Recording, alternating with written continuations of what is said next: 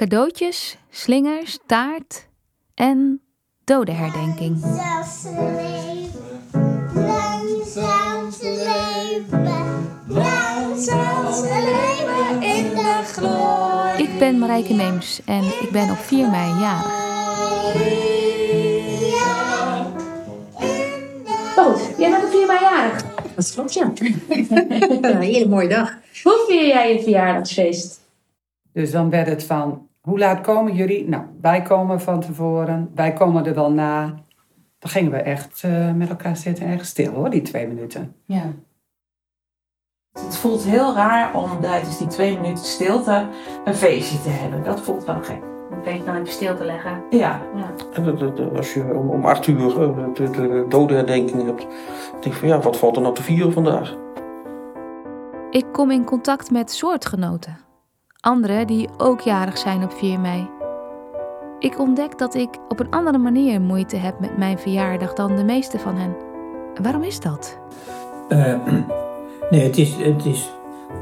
U hangt uw eigen verdriet hier dus aan op, eigenlijk in wezen.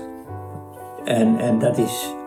Ja, zodra u dat verdriet ontdekt heeft waar het vandaan komt bij uzelf, dan bent u dit kwijt. Ja. Het wordt een zoektocht waarin ik beland in situaties die ik me van tevoren niet had kunnen voorstellen. En jij kan een probleem hebben in het nu. En helemaal niet snappen waar het vandaan komt. En door middel van een familieopstelling wordt dat zichtbaar. Ik sprak wetenschappers over het fenomeen verjaardag en het doorgeven van trauma.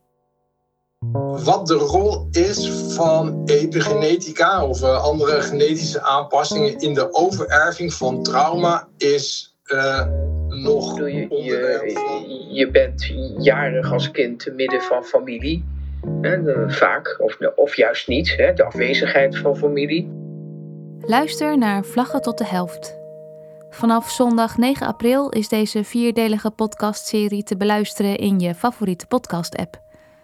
Een serie die gaat over het leven vieren op 4 mei en over zij die er niet meer zijn en hoe dat met elkaar in verbinding staat. En jij eh, laat zien dat, ehm, dat ehm, achter die deur eh, iets anders zit. Iemand anders zit. En ik vind het heel bijzonder dat, dat jij in je leven ehm, ontdekt hebt dat je het zo niet laten wil.